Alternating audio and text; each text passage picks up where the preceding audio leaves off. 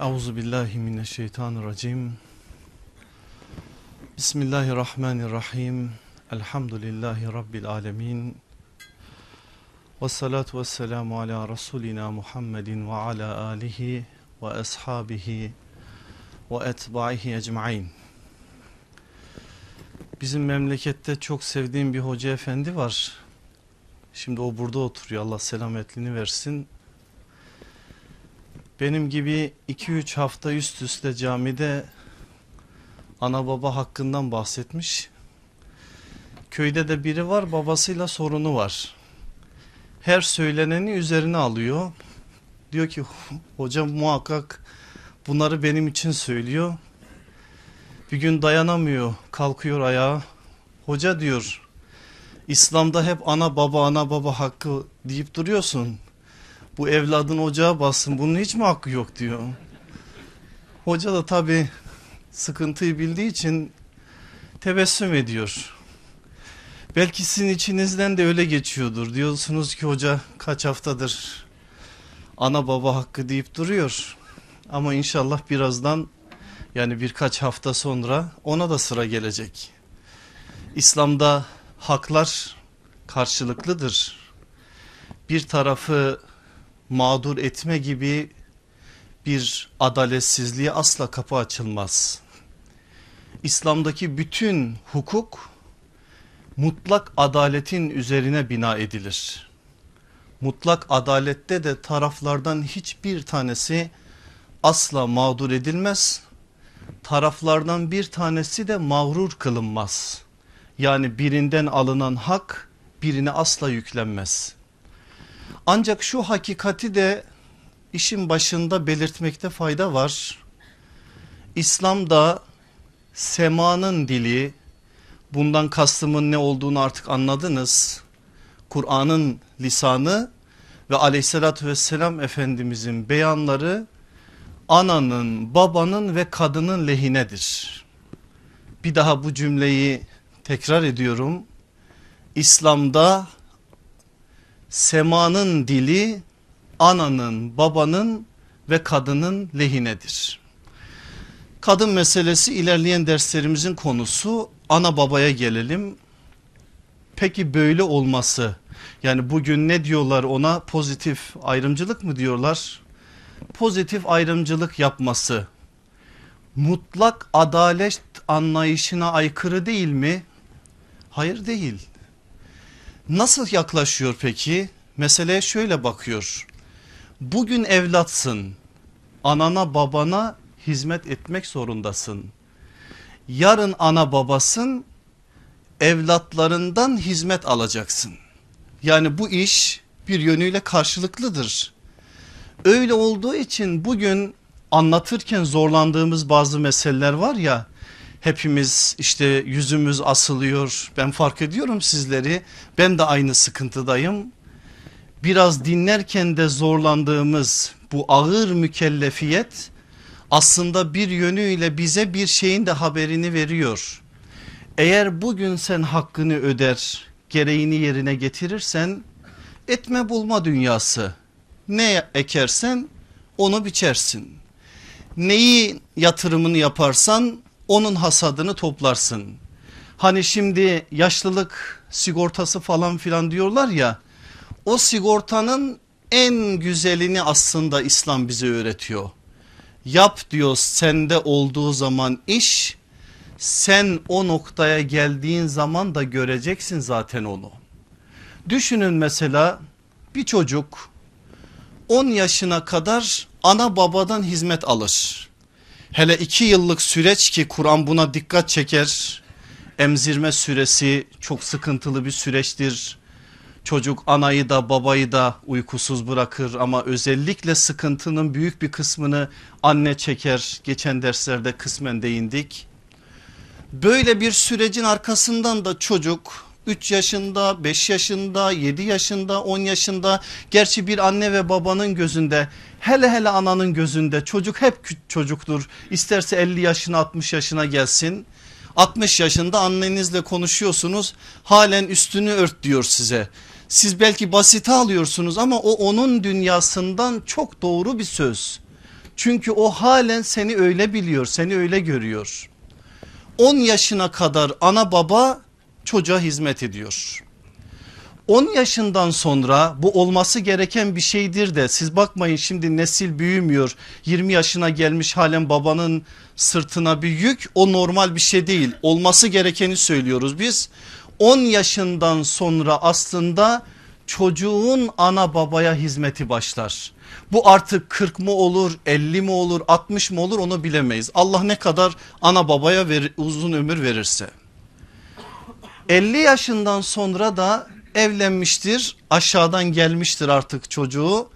Bir yönüyle hizmet almaya da başlamıştır. Artık o çocuk da hizmet ediyor. Evde dedeyi görüyor nineyi görüyor.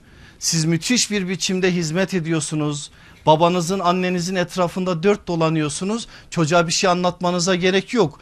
Çocuk orada fiili bir biçimde onun talimini aldığından dolayı orada alacağını alıyor Öyleyse eğer burada adalet var aslında. Gerçekten ısrarla Kur'an'ın ve aleyhissalatü vesselam Efendimizin ana baba hakkını nazara vermesi bu mesele hakkında konuşup durması iki de bir farklı bir çerçevelerden bizim zihin dünyamıza bazı şeyler ekmesi meselenin ehemmiyetini ortaya koyma amaçlıdır. Adalet anlayışının da bir gereğidir. Öyleyse eğer hiçbir şekilde bizim başka bir şey söylemeye hakkımız olmaz. Böyle bir ikram-ı ilahiye muhatap olan insan başının tacı olan cennet sermayesi olan cennete uzanan köprü olan hakkı ödenmeyecek olan bir şekliyle de bizleri inşallah Allah'ın rızasına kavuşturacak olan ana ve babayı başının tacı bilmeli sorumluluğunu da yerine getirmelidir. İnşallah Mevla hepimize bu konuda yardım etsin. Şeytana fırsat vermesin. Şeytanlaşmış insanlara da fırsat vermesin.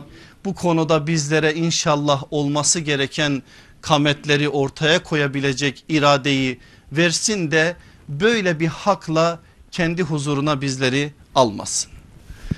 Bugünkü dersimizin başlığı hakkı ödenmeyecek bir hazine baba. Şimdi ben de bir babayım meseleleri biz kendi açımızdan değerlendirince bazen kendimize doğru yontabiliriz meseleyi. İnsanız zafiyetlerimiz var ama bir babanın da evladıyım. Onu yontarsam yukarıda da bir hizmet etme gerektiğini unutmadan bazı şeyleri anlatmak gerekir. Burada özellikle serlevhaya verilen şeylerin temeli kesinlikle Kur'an ve sünnet olmalıdır. Hakkı ödenmeyecek bir hazine der demez her kelimesiyle ya Allah'ın kitabına ya o kitabın fiili anlamda uygulaması olan sünnet-i seniyeye mesele yaslanmalıdır. Aleyhissalatü vesselam Efendimiz baba için böyle bir ifade kullanıyor mu? Hakkı ödenmeyecek hazine parça parça ben aldım iki parçadan aslında şimdi nazarlarınıza vereceğim. Birincisi Efendimiz aleyhissalatü vesselam bir evladın asla ve asla babasının hakkını tam olarak ödeyemeyeceğini bize söylüyor. Çok açık bir beyanla. Böyleyse eğer bir evlat ne görürse görsün babadan baba sana hakkımı helal etmiyorum diyemez. Böyle bir şeye hakkı yok. Allah o hakkı evlada vermiyor. Babada o hak var ama söylenmemesi ısrarla tavsiye ediliyor o işin ayrı bir boyutu. Ancak bu tarafta bir evlat babadan ne görürse görsün. Mesela doğdu baba çıkmış gitmiş evden hiç onun çocukluğuyla ilgilenmemiş 20-25 yaşına gelmiş evlat baba yüzü görmemiş 25 yıl sonra çıkmış gelmiş. O öyle bir babaya bir evlat nasıl davranmalı? Bunu bize gösteriyor sünnet. Babadan her türlü sıkıntıyı görmüş, zulüm görmüş, haksızlık görmüş. Baba çalışmamış, oturmuş kahvede onların kazancını yemiş, annesine karşı hakaret etmiş, neler neler yapmış. öyle bir babaya karşı da İslam nasıl davranması gerektiğini bize söylüyor. Zor dedim ya zor ama böyle. Demek ki toplumun belli şeylerini tam anlamıyla oturtma adına İslam bu konuda çok farklı şeyler söylüyor. Bugün bazı çevrelerin, bazı ideolojilerin, bazı dünya görüşlerinin söylediğinin ötesinde bir şey söylüyor. Neden? Çünkü üstten bakan bir nazar var. İşin bu konuda hukukunu belirleyen otorite Allah olduğu için Rabbul Alemin olan Allah'ın bu manada mutlak adaleti esas alarak söylediği her şey aslında bir yönüyle biz bir parçasına baktığımız zaman anlamakta zorlandığımız bir kısım olarak önümüze çıksa da resmin tamamında adaletin nasıl ortaya çıktığını görüyoruz. Bakın Resulullah sallallahu aleyhi ve sellem babaların hakkı ödenir mi ödenmez mi konusunda ne söylüyor? Müslim'de, Ebu Davud'da, Tirmizi'de, İbni Mace'de ve diğer hadis kitaplarında Ebu Hureyre radıyallahu anh'ın nakliyle bize gelen bir rivayet. Hiçbir evlat babasının hakkını ödeyemez. Net bir ifade. Hiçbir evlat babasının hakkını ödeyemez. Söz nasıl devam ediyor? Şayet onu köle olarak bulur ve satın alıp azat ederse belki babalık hakkını ödemiş olabilir. Köle olarak bulacak parasını ödeyecek satın alacak ve onu azat edecek o zaman ödemiş olabilir. Ne diyor aslında aleyhissalatü vesselam Efendimiz? Binde bir olmayacak bir şeyi söylüyor. Bu terkipler Arap dilinde vardır. Yani yapılacak şeyin imkansız olduğunu beyan etme adına bu tarz kıyaslar yapılır. Eğer ödeme noktasında bir şey söylenecekse ancak böyle bir şey olsa olur ki o da olmayacak bir şey binde bir olacak bir şey. Böyleyse eğer hakkı ödenmeyecek bir şahsiyet baba hazine olmasına biraz sonra geleceğim. Peki öyleyse bugün elimize bir mikrofon alsak şöyle bir sokağa çıksak sizin gibi Kur'an'ı ve sünneti bilen insanlara değil de dışarıda sıradan bir insana baba deyince ilk aklına gelen şey nedir diye sorsak neler duyarız acaba? Size biraz okuyayım mı? Söylenmiş benim uydurduğum şeyler değil. İnsanlar bunları söylemişler. Soruyorlar baba deyince aklınıza ne geliyor? Cevap en kolay kazanılan ünvan. Eve gelir gelmez huzuru bozan insan. Para kaynağımız bankamatik yerine koyulduğunu düşünüp çok kızan şahıs. Bunlar insanların söyledikleri program, programlanmış gibi iki de bir had yatağı had yatağı diyerek beni deli eden adam. Artık çocuk nasıl bir ruh haliyle söylüyorsa bunu bakın söze bakın tam dayaklık ama baba olduğu için ses çıkarılmayan adam. Evle ilgili her işi en iyi yapabildiğini sanan ama yapmaya başlayınca da evi batıran adam.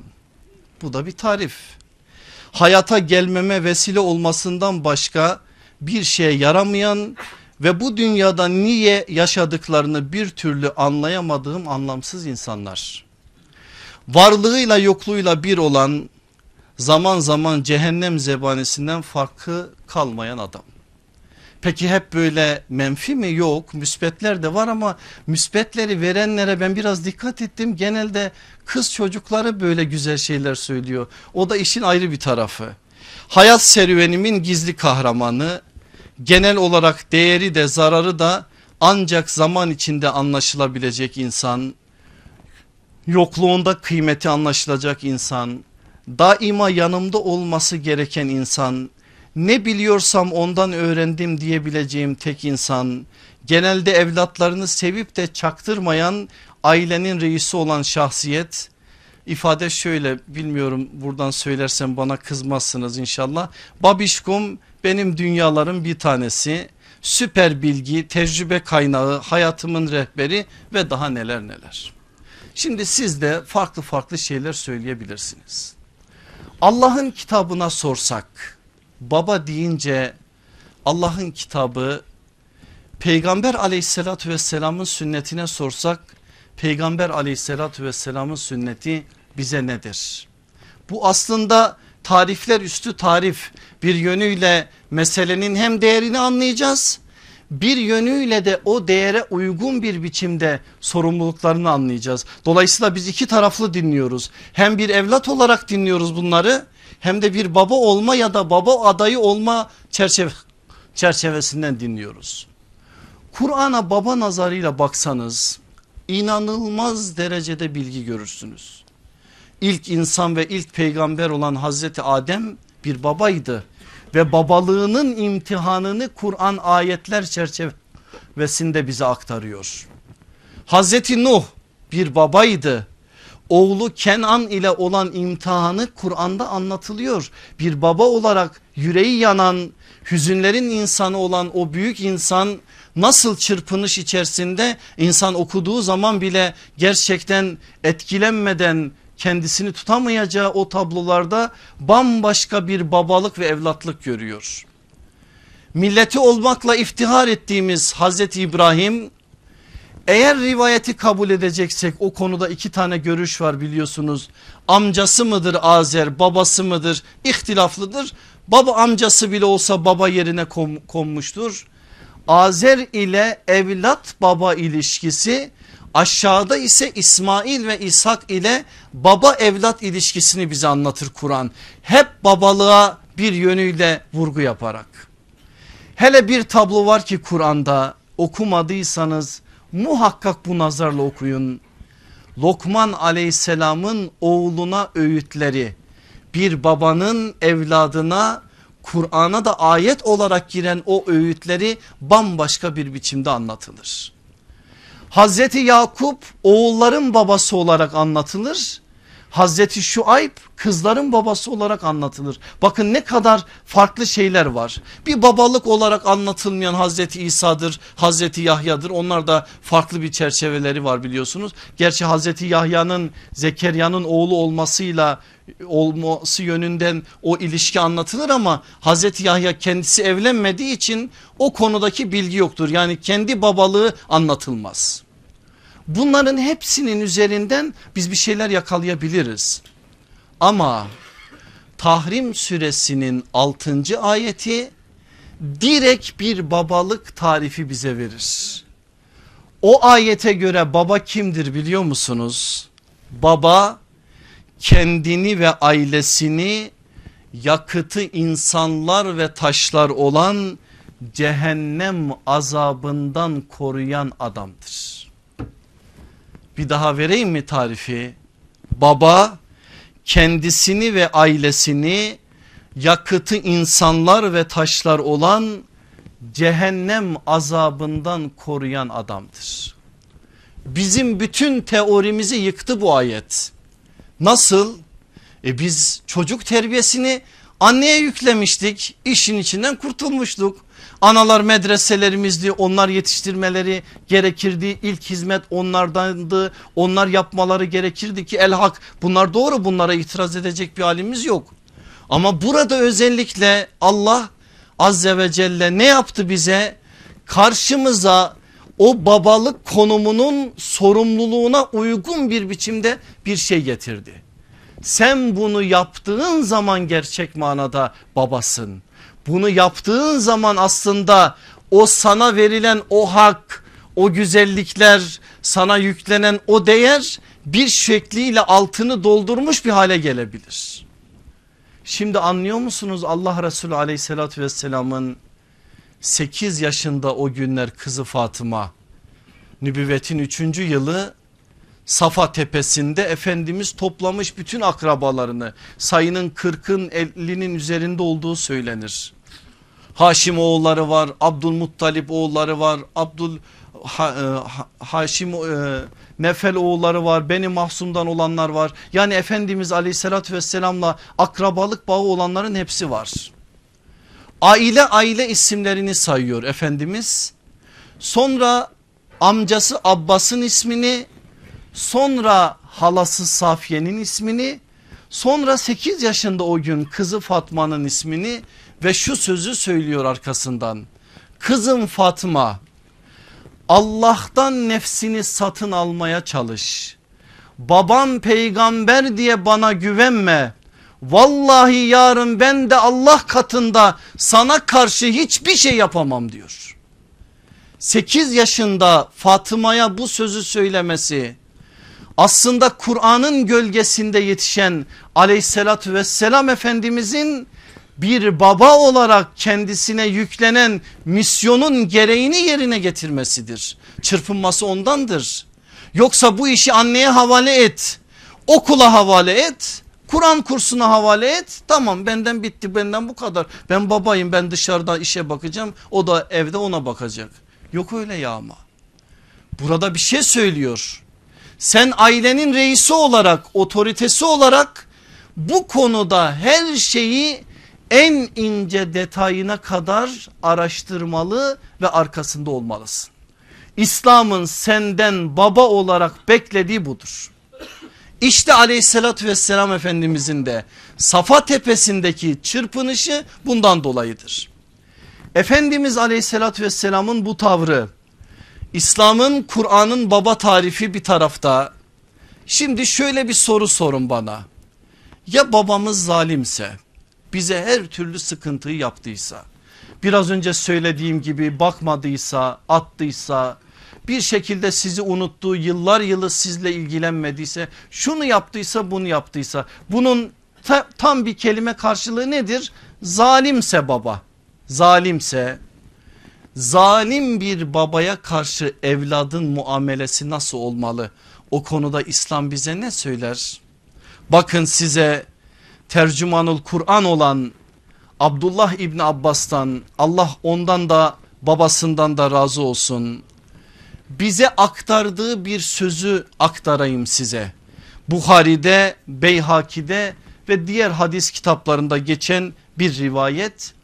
Abdullah İbni Abbas Kur'an'ı en iyi bilen sahabi sünneti en iyi bilen isim böyle bir ismin bu konudaki bir yaklaşımı ki arkasından sünnetteki delillerini de söyleyeceğim size.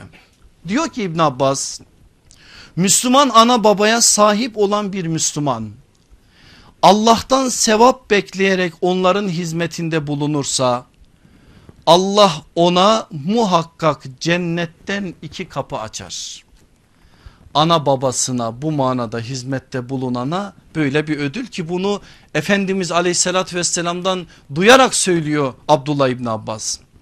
Eğer ana babadan birinden mahrumsa yani biri erken yaşta vefat etmişse biri yaşıyorsa Allah bir kapı açar.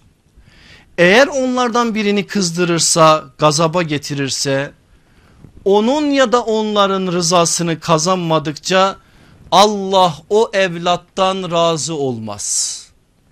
Anayı babayı razı etmeyenden Allah razı olmaz diyor Abdullah İbni Abbas'tan Abbas. O cemaatte bulunan bir tanesi itiraz ediyor. İtiraz değil de bir soru soruyor. Diyor ki ey İbn Abbas böyle diyorsun ama eğer ana baba o çocuğa zulüm etmişlerse haksızlık etmişlerse nasıl mesela biraz somut örnekler verelim ki anlaşılsın. Mesela evlatları arasında sevgi dengesizliği yapmışsa büyük oğlanı hep kayırmışsa büyük oğlana fazla mal vermiş diğerlerini mahrum etmişse kızlarına fazla ilgi göstermiş erkeklerini ihmal etmişse ya da erkeklere fazla ilgi göstermiş kızları ihmal etmişse bir gelini ona çok hizmet etmiş olmasına rağmen o hizmet etmeyen gelini sevmişse var değil mi örnekleri? Var. Ne olursa aklınıza ne geliyorsa yani sizin ya bu da olur mu bir Müslüman bunu yapar mı diyebileceğiniz her şeyi bu sınıfa dahil edin ve böyle bir haksızlık zulüm ortaya çıkarsa yine de dediğin böyle midir diyor bir tanesi. Diyor ki Abdullah İbni Abbas çocuğa dünya işlerinde zulüm etmiş olsalar dahi ana babanın rızası alınmadan Allah o çocuklardan razı olmaz. Ya o ana babanın yaptıkları yanına mı kar mı kalacak? Hayır. Onun hesabı ayrı. O Allah'a verecek hesabını. Ama biz o hesabın tahsildarı değiliz. Bizim oradaki fonksiyonumuz kesinlikle ve kesinlikle Allah'ın bizden istediği ihsanı, ikramı, itaati yerine getirmektir. Abdullah İbn Abbas'a bu sözü söylettiren nedir? Efendimizden bu bilgi almasa söyleyemez zaten onu dedim. Ama çok bizi dehşete düşürecek bir tablo var. Yine birçok sahih kaynağımızın naklettiği bir tablo. Ben kaynaklarını vereyim içinizde araştıranlar var. Buhari'nin şehadet babının 10. hadisi, Müslim'in iman babının 143. hadisi, Tirmizi'nin şehadet babı 3. hadisi ila ahir onlarca hadis kitabında. Hadiseyi bize nakleden Ebu Bekre Nüfey İbni Haris isimli sahabi efendimiz. Diyor ki aleyhissalatü vesselam efendimiz Mescid-i Nebevi'de oturuyor. Birden ayağa kalktı şöyle bir direğe de yaslandı. Yüzünün rengi değişti. Biz anladık ki dehşet bir şey gelecek arkasından. Çünkü sahabi efendimizi çok iyi tanır. Ses tonuyla elinin hareketiyle kaşının hareketiyle yüzündeki damarların şekillenmesiyle sahabe anlıyor arkasından neler geleceğini. Çünkü her an Efendimiz aleyhissalatü vesselamı gözleyen iki göz onlar. Hatta şöyle bir şey gördüm geçen kaynakların birisinde. Diyor ki o kaynağımız sahabe o kadar çok sevinirdi ki Medine'nin dışından bir bedevi gelsin Medine'ye. Neden? Çünkü diyorlar kendileri utanıyor Allah Resulü aleyhissalatü vesselama soru sormaya. Bedevi adam rahat efendimizle çok fazla hukuku yok geliyor efendimizin karşısında duruyor rahat rahat soru soruyor. Biz de o sorulan sorulardan bir şeyler öğreniyoruz ya. Onun için dışarıdan biri geldiği zaman bizim için düğün bayram. İşte şimdi gelecek bir şey soracak. Biz de o sorulan sorudan dolayı bir şeyler öğreneceğiz. Sahabe böyle. Onun için Efendimiz'i hep gözlüyorlar. Ne halde ne söyleyecek ne yapacak hepsi aleyhissalatü vesselam Efendimizin yüzüne karşı onun tavırlarına karşı bakışlarını yoğunlaştırıyorlar. İşte burada da aleyhissalatü vesselam Efendimiz kalkmış bir hurma ağacına artık yaslanmış neye yaslanmışsa yüzünün rengi değişmiş sahabe de anlamış ki arkasından bir şeyler gelecek. Allah Resulü aleyhissalatü vesselam da üç kez büyük günahların en ağırını size haber vereyim mi? Büyük günahların en ağırını size haber vereyim mi? Büyük günahların en ağırını size haber vereyim mi diye üç kez tekrarlanmış. Ödümüz koptu diyor adını andığım sahabi efendimiz. Böyle bir dehşet an Efendimiz ısrarla durdu üzerinden acaba ne söyleyecek? Ne diyecek ki hepimiz meraklandık? Keşke demese diye de içimizden geçirdik.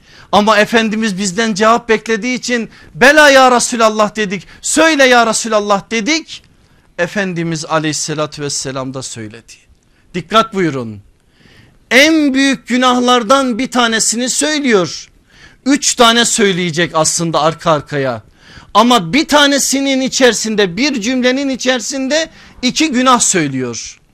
Ve terazinin kefesine bir tane günah koyuyor ki o günahın aslında başka ağırlığı yok.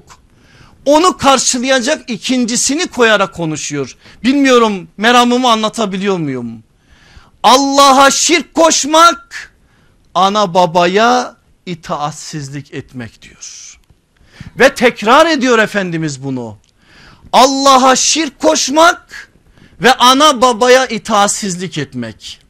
Bunu söylüyor söylüyor öyle bir ağır yükün altında eziliyor ki aleyhissalatü vesselam Efendimiz yine ravi olan sahabe efendimizin bize nakliyle artık dayanamayacak gücü kalmayınca olduğu yere oturdu. Oturduğu anda da diğer iki tanesini söyledi. İyi dinleyin bir de yalan söylemek ve yalancı şahitlik yapmak. İyi dinleyin bir de yalan söylemek yalancı şahitlik yapmak. İyi dinleyin bir de yalan söylemek ve yalancı şahitlik yapmak dedi. çok ağır bir şey ki Allah Resulü aleyh, aleyhissalatü vesselam bu halde çok ağır bir şey ki sahabe bu halde dinliyor. Ve ne diyor biliyor musunuz Ebu Bekre e, diyor ki Efendimiz konuştukça içimizden dedi ki keşke sussa keşke sussa da o sözler o halde Resulullah'ın mübarek dilinden çıkmasa. Olay gerçekten bizim anlayamadığımızın ötesinde bir şey. Allah'a şirk koşmak ana babaya isyan etmek. Peki bu konuda Kur'an'ın söylediği haşa Resulullah'ın söylediğinin dışında bir şey mi? Açın aslında Efendimiz Aleyhisselatü Vesselam'ın söylediği şu söz İsra suresinin 23. ayetinin olduğunu göreceksiniz. Zaten Kur'an'dan konuşan birisi aleyhissalatü vesselam Efendimiz söylediği her hadis biz fark edelim ya da etmeyelim biz onun bir şekilde bilgisine erişelim ya da erişmeyelim kaynağı bir şekilde Kur'an'da vardır. Dikkatli birisi irdeliye irdeliye irdeliye irdeliye buna rahat bir biçimde ulaşabilir. Bu konuda da aleyhissalatü vesselam Efendimizin konuştuğu söylediği Kur'an'ın içerisinden bir ayettir. Sahabe bunları duyuyor bunlara şahit oluyor.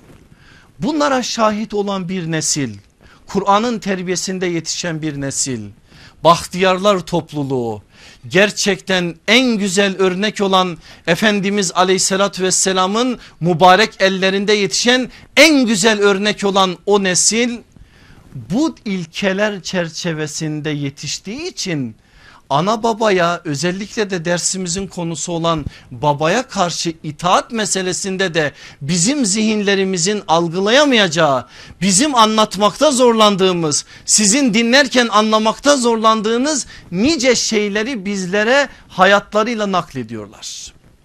Size iki tane örnek vermek istiyorum. İki tane Abdullah'tan.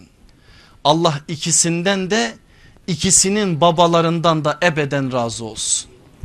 Abdullah İbni Ömer, Abdullah İbni Amr. Bambaşka iki isim zaten Abdullahlar çok meşhurdur ama bu Abdullahlar içerisinde bu iki ismin de farklı ayrıcalıkları var. Abdullah İbni Ömer demek ne demek biliyorsunuz değil mi? Resulullah sallallahu aleyhi ve sellemi adım adım adım takip eden bir aşk insanı bir sevda insanı demek. Boş verin bana bu farzdır bu vaciptir bu müsteaptır demeyi. Bana şunu söyleyin diyor o büyük insan bugünlere adeta hitap edercesine. Bu işi Resulullah yaptı mı yapmadı mı? Yaptıysa eğer benim için bitmiştir. Onun için Abdullah İbni Ömer yaşadığı o uzunca ömürle yaptığı iş şudur. Benim izim Resulullah'ın izine karışsın. Resulullah'ın yürüdüğü yollarda yürüyeyim. Onun kendisinin gölgelendiği ağaçları bileyim o ağaçların altında gidip gölgeleneyim. O ağaçlar kurumasın diye o ağaçlara su taşıyayım. Resulullah nereye hatıra bıraktıysa ben de oraya bırakayım diyen bir yiğit insan. Hepsinden ötesi Abdullah İbni Ömer demek ne demek biliyor musunuz?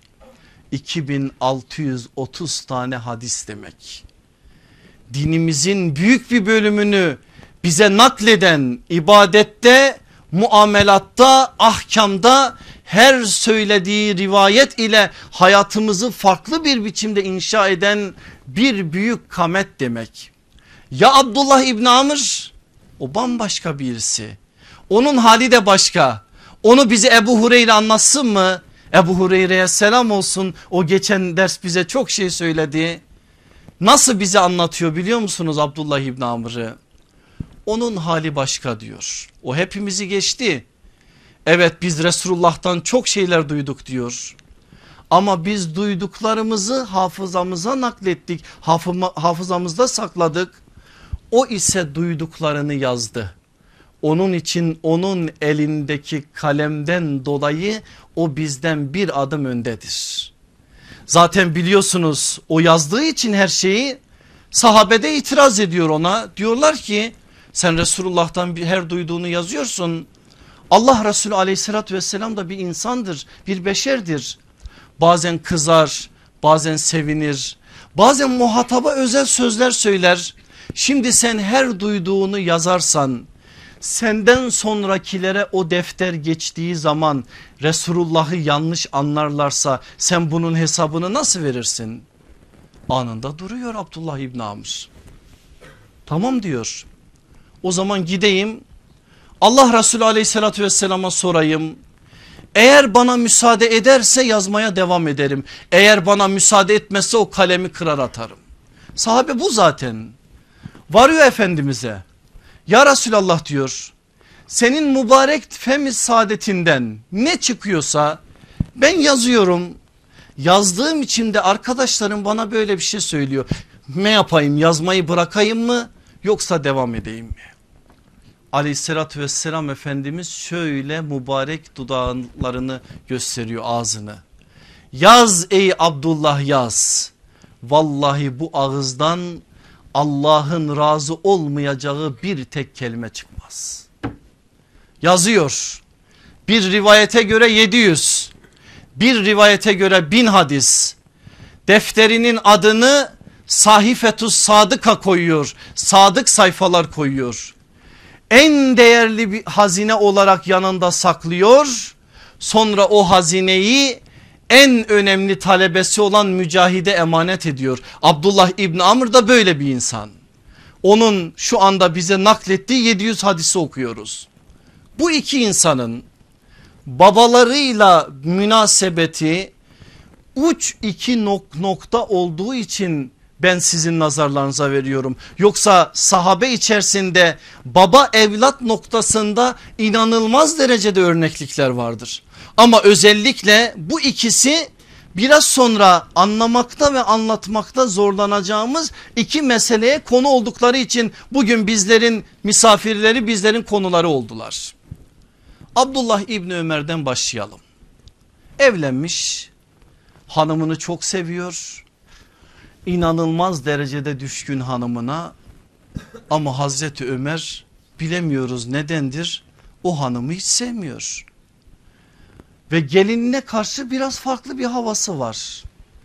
Ve bir gün diyor ki Abdullah İbni Ömer'e hanımını boşayacaksın. Ne diyeceğini şaşırıyor. Orada bir şey söylemiyor. Çünkü aleyhissalatü vesselam Efendimiz daha önceki süreçlerde Abdullah İbni Ömer'e babaya itaat konusunda özel şeyler söylemiştir. Babanın asla bir dediğini iki etmeyeceksin demiştir. Ve itaat konusunda bugün naklettiğimiz birkaç hadisi Abdullah İbni Ömer'in üzerinden okuyoruz. Sebeplerinden bir tanesi de Abdullah İbni Ömer'i özellikle babası Hazreti Ömer'e doğru bu manadaki varsa artık sıkıntı bilemiyoruz. Onları bir şekliyle inşa etme amacı taşıyor. Bir şey söylemiyor Resulullah'ın huzuruna geliyor. Ya Resulallah diyor babam Ömer böyle bir şey söyledi ne yapayım? Ne söylüyor Allah Resulü aleyhissalatü vesselam? Tek bir cümle baban ne diyorsa onu yap. Peki itiraz var mı Allah Resulü aleyhissalatü vesselama? Ya Resulallah ama ben hanımımı seviyorum. Hanımımla bir problemim yok. Şöyle iyidir, böyle güzeldir, böyle sıkıntısızdır. Onlarca şey söyleyebilir. Ama ne dedim en başta? Abdullah İbni Ömer'in hayatında itiraz adına hiçbir şey yok.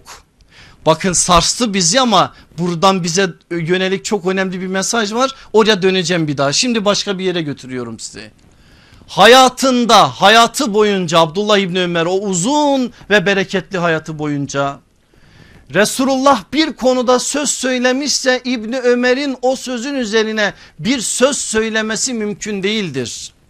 Allah Resulü'nün adımı varsa o adım üzerine adım atması mümkün değildir aleyhissalatü vesselam efendimizin bir hükmü varsa o hüküm üzerine hüküm bina etmesi de mümkün değildir. Bunlar tamam bunları bizler de inşallah elimizden geldiğince yapmaya çalışıyoruz. Daha başka bir şey söyleyeyim size. Bu söylediklerime aykırı davranan birisi varsa Abdullah İbni Ömer onunla selamı keser.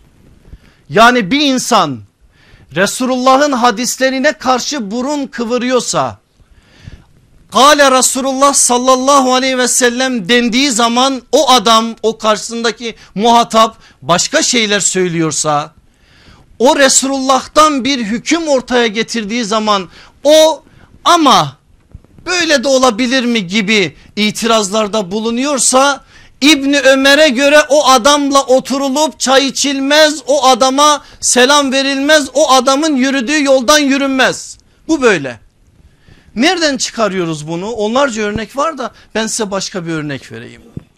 Onun çok salih bir oğlu var Bilal İbni Abdullah çok farklı bir insan evlenmiş o da onun da saliha bir hanımı var.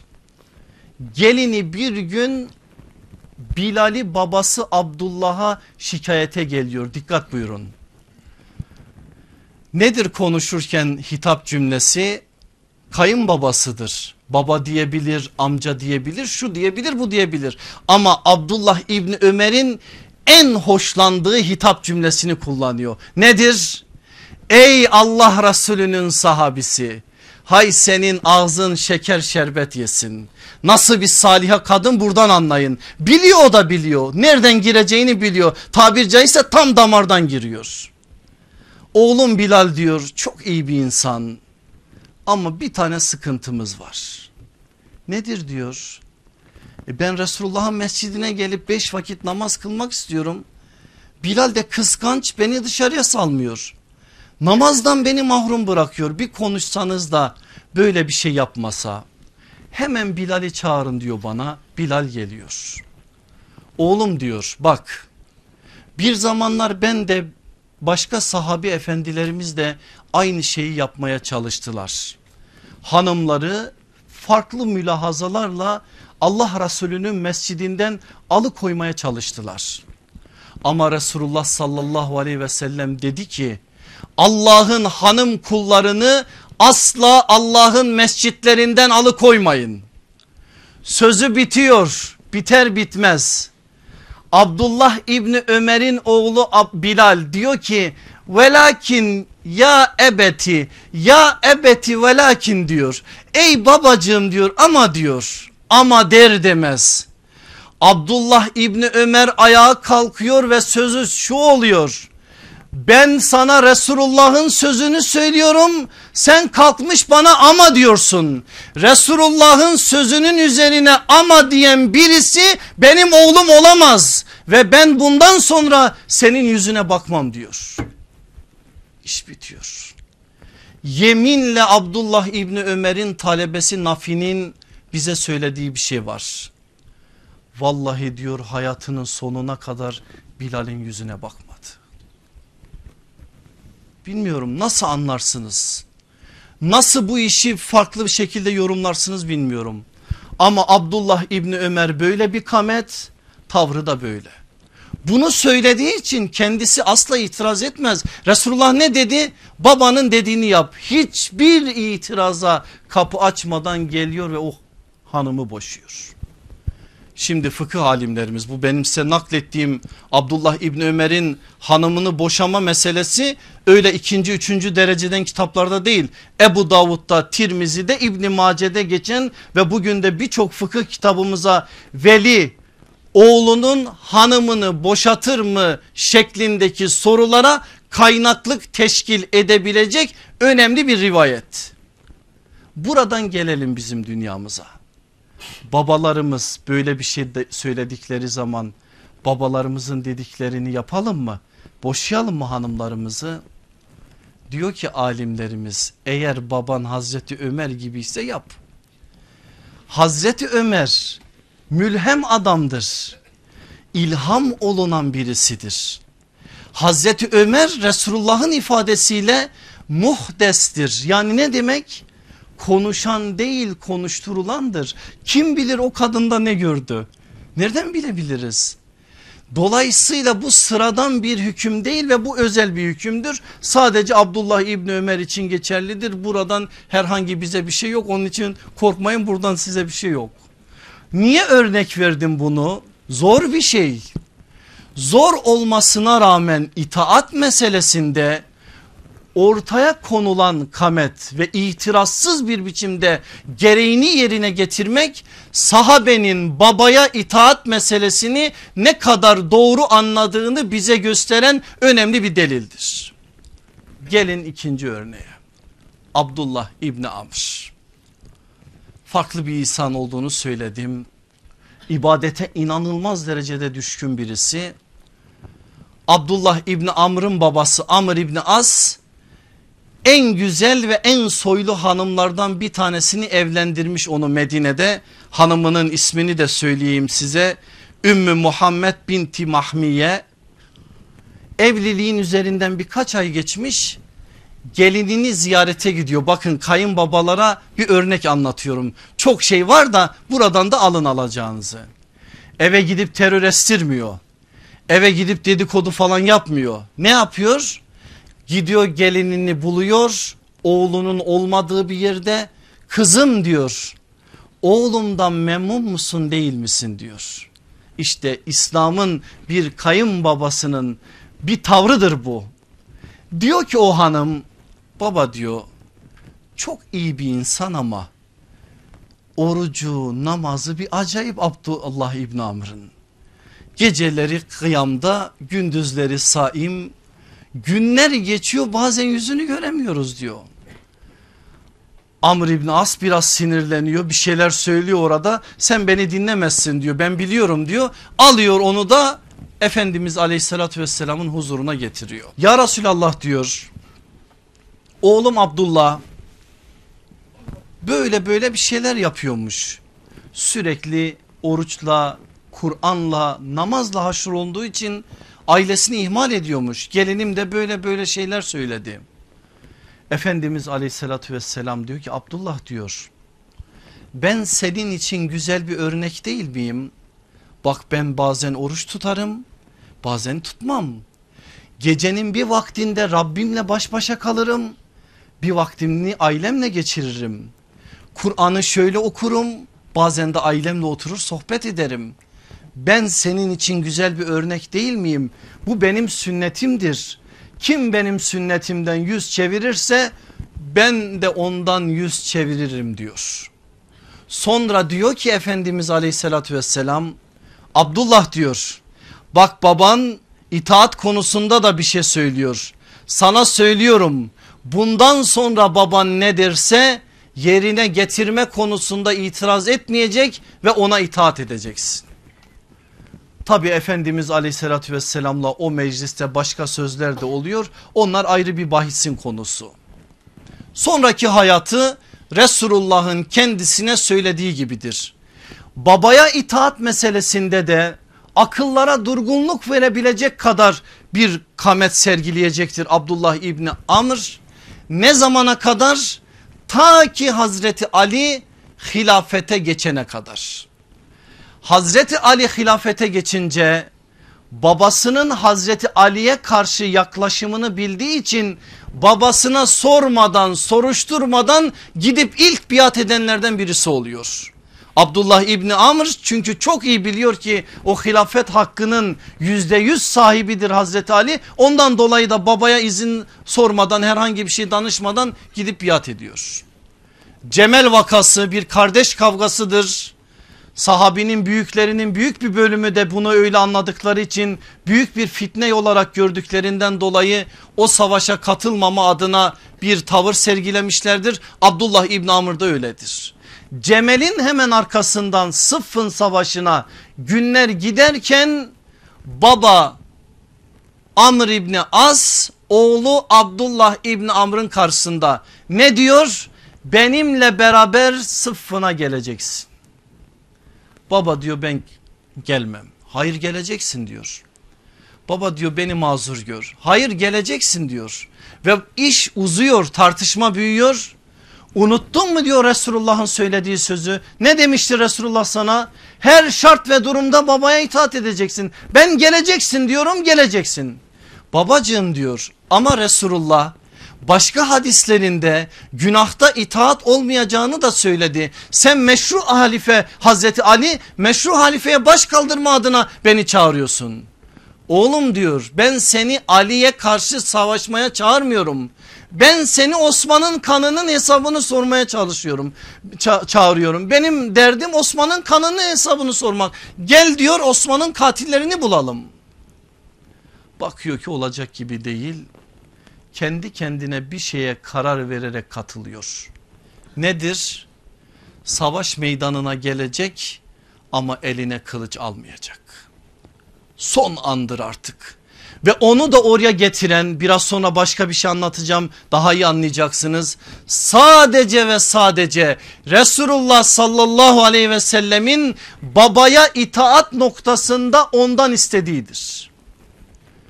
Neden böyle bir ısrar? Neden Abdullah İbni Amr orada? Niçin sıffının meydanında biz birazdan anlayacağız. Sıffın başlıyor. Hilafet ile saltanat arasındaki mücadele ve savaşın bir yerinde o gün 92 yaşında olan Ammar bin Yasir Şam tarafının oklarıyla kılıçlarıyla meydana düşüyor. Ammar öldü Ammar öldü feryatları sıffının meydanında yankılanıyor. O anda bir ses duyuluyor. Sesin sahibi diyor ki vallahi ben Resulullah sallallahu aleyhi ve sellem'den duydum. O dedi ki Ammar seni bir bagi yoldan çıkmış bir topluluk öldürecek. Ve senin bu dünyadan son nasibin içeceğin bir kase süt olacak. Sesin sahibi kim? Abdullah İbni Amr. Allah demek ki o hakikat orada oraya ortaya çıksın diye sevki ilahi öyle işletecek. O meydanda o söz söylenince de savaşın bir şekliyle yönü değişecek. Sonraki hadiseleri biliyorsunuz oralara girmeyelim. Ama Hazreti Hüseyin çok küsecek bu işten ona karşı. Hazreti Hüseyin'e çocukluk arkadaşları. O hadisenin arkasından aylarca mı günlerce mi o kırgınlık devam edecek. Sahabeden Ebu Derda ümmetin hakimi bize naklediyor. Oturmuşuz diyor Abdullah İbni Amr'la mescitte bir baktık ki Hazreti Hüseyin girdi içeriye. Hazreti Hüseyin'i görünce duygulandı Abdullah İbni Amr dedi ki vallahi Medine'de şu adamdan daha salih bir adam bilmiyorum. O salih adam ki meleklerin gölgesinde yürür. Ama o salih adam bana kırgın. Ne olur dünyada ne varsa elimde verirdim onu da keşke benimle bir kez daha konuşsaydı. Ebu Derda bir Müslümandır. İki Müslümanın arasını bulmanın sorumluluğunu bilen birisidir. Bir taş attım size inşallah anladınız. İki Müslümanın arasını bulma adına diyor ki peki diyor seni ben barıştırsam barıştırmak için bir zemin hazırlasam benim dediğim davete gelir misin? Nasıl gelmem diyor Ebu Derda tek istediğim bu şey Hüseyin'den küsülü olarak bu dünyadan gitmemek. Ebu Derda varıyor Hazreti Hüseyin'in yanına. Sen diyor o gün mescide girdiğin zaman arkandan böyle böyle şeyler söyledi. Getirsem onunla barışır mısın? Onu ikna ediyor. Alıyor Abdullah İbn Amr'ı Hazreti Hüseyin'in evinde Hazreti Hüseyin'le karşı karşıya geliyorlar. Hazreti Hüseyin diyor ki sen o gün benim için demişsin ki Medine'nin en hayırlı adamı. Peki sen bu sözü söyleyen birisi olarak bilmiyor muydun ki Hüseyin'in babası Hüseyin'den daha hayırlıdır. Niye Hüseyin'in babasının karşısına çıktın sıfında? Ey Hüseyin diyor vallahi beni sıffına çıkaran sadece ve sadece deden Resulullah'ın babaya itaat konusunda söylediğiydi. Eğer baban deden bana o konuda bir şey söylemeseydi vallahi ben gitmezdim. Ama Allah'ın adına yemin olsun ki sıfının meydanında elime bir tek kılıç almadım savaşa iştirak etmedim diyor. Ve şu anda da onun pişmanlığı içerisindeyim. Keşke 20 yıl önce ölseydim de sıffına katılmasaydım diye kendimi kınıyorum diyor. O anda ortam farklılaşır birbirlerine sarılırlar ve bambaşka bir hal ortaya çıkar. Sahabe bunları öğreniyor işte. Şimdi bir daha başa götüreceğim sonra yavaş yavaş toparlayacağım sizi. Neydi serlevhamız? Hakkı ödenmeyecek bir hazine. Hakkı ödenmeyecek kısmını söyledim. Hazine kısmına gelelim. Oradan nasıl bir şey çıkarabiliriz? Şimdi eğer Kur'an'ın en başta bize verdiği tarif üzere ise babalar. Ailelerini ve nefislerini cehennem ateşine sokmama adına gayret içerisindelerse eğer babalarımız bizlere güzel isimler koymuşlarsa, bizleri imanla tanıştırmışlarsa, bizlerin Allah'ın kitabını öğrenme adına gayret içerisine girmişlerse, bir şekilde bizlerin imana ve İslam'a ait bazı güzellikleri tatmamız adına gayret göstermişlerse, hazine ki hazine hem de nasıl hazine oldu ana ve baba özellikle de baba. Çünkü bize en önemli hazine olan hidayetin mesajlarını taşıdılar. Ya tersi zalim elinden geleni yapıyor. Sana dünyayı dar ediyor. Burnundan fitil fitil getiriyor. Yine hazine mi o baba? Evet hazine. Niye? Sabredeceksin ve cenneti kazanacaksın. Yahu dert zaten bu değil mi Allah aşkına? Derdimiz ne? Allah'ın rızasını kazanmak. Şimdi Rabbimizin rızasını bir İslam coğrafyasının farklı bir yerinde bir şekilde İslam adına gayret göstererek kazanmak o yollardan bir yol. Allah yolunda cihad için harekete geçmek o yollardan bir yol. İslam'ın mesajları dünyanın dört bir tarafına duyurulsun diye evinden barkından vazgeçip dünyanın farklı yerlerine gitmek o yollardan bir yol. Gece sabahlara kadar uykusuz kalıp bu ümmet için yanıp tutuşmak, dua etmek o yollardan bir yol. O yollardan bir yolu daha söylüyor iman ettiğimiz peygamberimiz. Zalim olsun mazlum olsun Müslüman olsun münkir olsun sen Allah'ın sınırlarına riayet ederek anana ve babana itaat edersen cennet senindir. E bize farklı bir biçimde kazandırsa da ne fark eder? Mesele dert cenneti kazanmak değil mi? Allah hepimize kazandırtsın inşallah.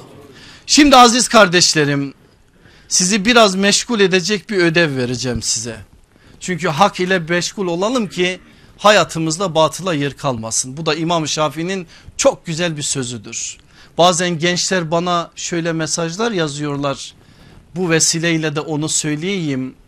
Diyorlar ki hocam internet belası gibi bir bela var. Oturuyoruz. İslami bir şey bile dinlerken bir bakıyoruz göz kaymış şeytanın ağlarına takılmışız oradan gitmişiz oradan çıkmışız saatlerimiz gitmiş ne yapalım ben de diyorum ki size bakın İmam Şafi bir reçete yazmış onu veriyorum size. Kendini hakla meşgul et batıla hayatında yer kalmasın. Yetiş bir şeylere bir işlerin olsun. Hayatın disiplinli olsun bir şeyleri yetiştirme adına gayretin olsun. Hakla meşgul ol. Ona koş ona gayret et ona et. Zaten ne sen oturur televizyonun karşısında zaman öldürürsün. Hatta hanımla kavga etmeye bile zaman bulamazsın. İş çok onun için gayret adına bir şeyler yaparsın. Dolayısıyla yapacağımız iş bu olmalı. Şimdi sizi meşgul etme adına hakla meşgul etme adına mevzumuzla çok yakından alakalı olan bir ödev vereceğim size. Kıymetli kardeşlerim bakın yazan yazsın. Ahkaf suresi 15. ayet. Ankebut suresi 8. ayet. Lokman suresi 14. ayet. İsra suresi 23. ayet. Tekrar ediyorum. Ahkaf 15, Ankebut 8, Lokman 14, İsra 23 ana babayla evlat arasındaki hukuku Kur'an'da düzenleyen doğrudan ayetler bunlar. Bu ayetlerin ortak bir lisanı var ortak bir dili var. Neyden bahsediyor biliyor musunuz?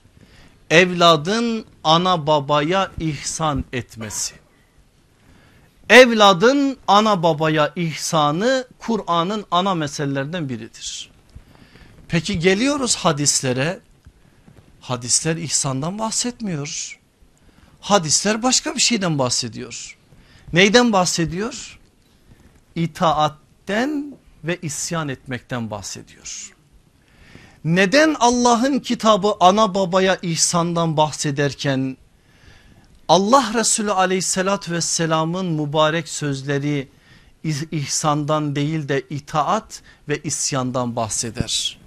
Haşa bazılarının dediği gibi burada bir çelişki mi var Allah'ın kitabı ortada ondan sonra biz artık ne gelirse zaten kabul etmeyiz mantığıyla peygamberin söylediği onlarca hadisi bir anda silip süpürecek miyiz?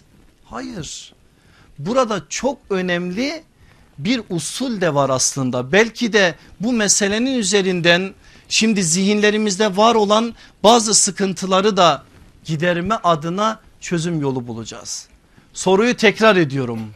Allah'ın kitabında ana babaya ihsan emredilirken Resulullah'ın sözlerinde niçin itaat emredilir? Bunu inşallah biraz gayret edeceksiniz. Tefsirlere bakacaksınız. Hadis şerhlerine bakacaksınız. Hazreti Google'a bakacaksınız zaten ben demesem de ama çok itibar etmeyin.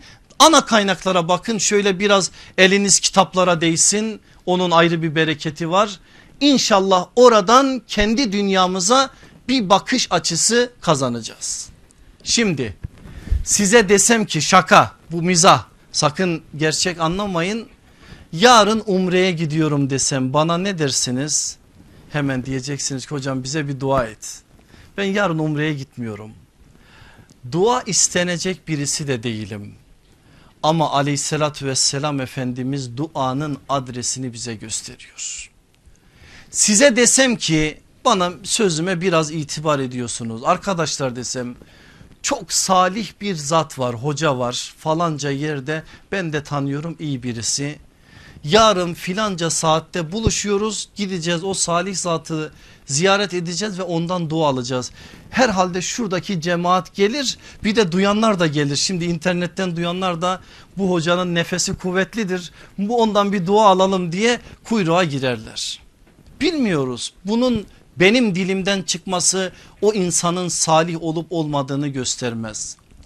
Ama aleyhissalatü vesselam Efendimiz hevasından ve hevesinden konuşmayan konuştuğu her söz Allah tarafından tasdik edilen çünkü yanlış olsa haşa uyarılır zaten konuştuğu her söz eğer ya fiili olarak tasdik edilip ya da takrirle tasdik edilmişse iş bitmiştir.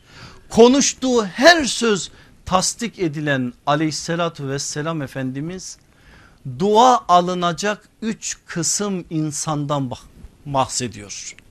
Diyor ki Ebu Davud'da Tirmizi'de İbni Mace'de geçen bir hadisinde yine Ebu Hureyre'nin nakliyle aktarılan bir hadiste üç kişi vardır ki onların duası Allah katından geri çevrilmez. Üç kişi vardır ki onların duası asla Allah katından geri çevrilmez. Kimin sözü? İman ettiğimiz peygamberimizin sözü. Şüphe duyar mısınız Allah aşkına? Haşa. O dediyse tamam bitti. Bitmiştir bir mümin için. Bir mümin dışarıdan birisi gibi konuşmaz. İçeriden birisi gibi konuşur. Dolayısıyla bir mümin tarafsız olmaz. Bu manada mümin taraflı olarak konuşur. Bir müminin tarafı bellidir Allah ve Resulüdür. Onun söylediği her söze de hiçbir mülahazaya takılmadan iman ederek yaklaşır. Efendimiz bunu söyledi. Kim bunlar? Zulme uğrayan mazlumun duası. Evine varıncaya kadar yolcunun duası. Anne ve babanın evladına duası. Allah aşkına Resulullah sallallahu aleyhi ve sellem bunu söylemiş olmasına rağmen ana ve babalarımız da hayatta olmasına rağmen ki hayatta olanlara Allah uzun ömürler vefat edenlere de rahmet eylesin. Üçünü de tekrar edeyim zulme uğrayan mazlumun duası evine varıncaya kadar yolcunun duası anne ve babanın evladına duası. Böyle bir hazine evlerimizde varken nasıl biz dualarını alma gibi bir şeyin arkasında olmayız. Ne dedi Efendimiz aleyhissalatü vesselam? Bilmiyorum bu kıyas doğru mu ama doğru geliyor bana. Yanlışsa ne olur beni uyarın. Arafat evde, Arafat evde. Her an duanın mekanı evde. Sen onların duasını al, iş bitti. Onların duası senin arkanda olsun, artık başka şeye gam yeme. Öyleyse eğer arkalarında ol, gönüllerini yap, şaka yap.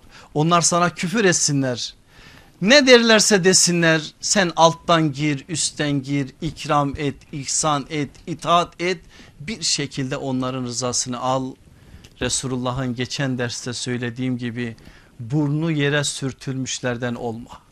Allah bizi muhafaza etsin. Rızasını rızalarını almaya bizleri muvaffak kılsın ve böyle bir hakla bizi kendi huzuruna almasın. Onların rızasını kazanarak Rabbimizin rızasını kazanmayı bizlere nasip eylesin. Velhamdülillahi Rabbil Alemin. El Fatiha.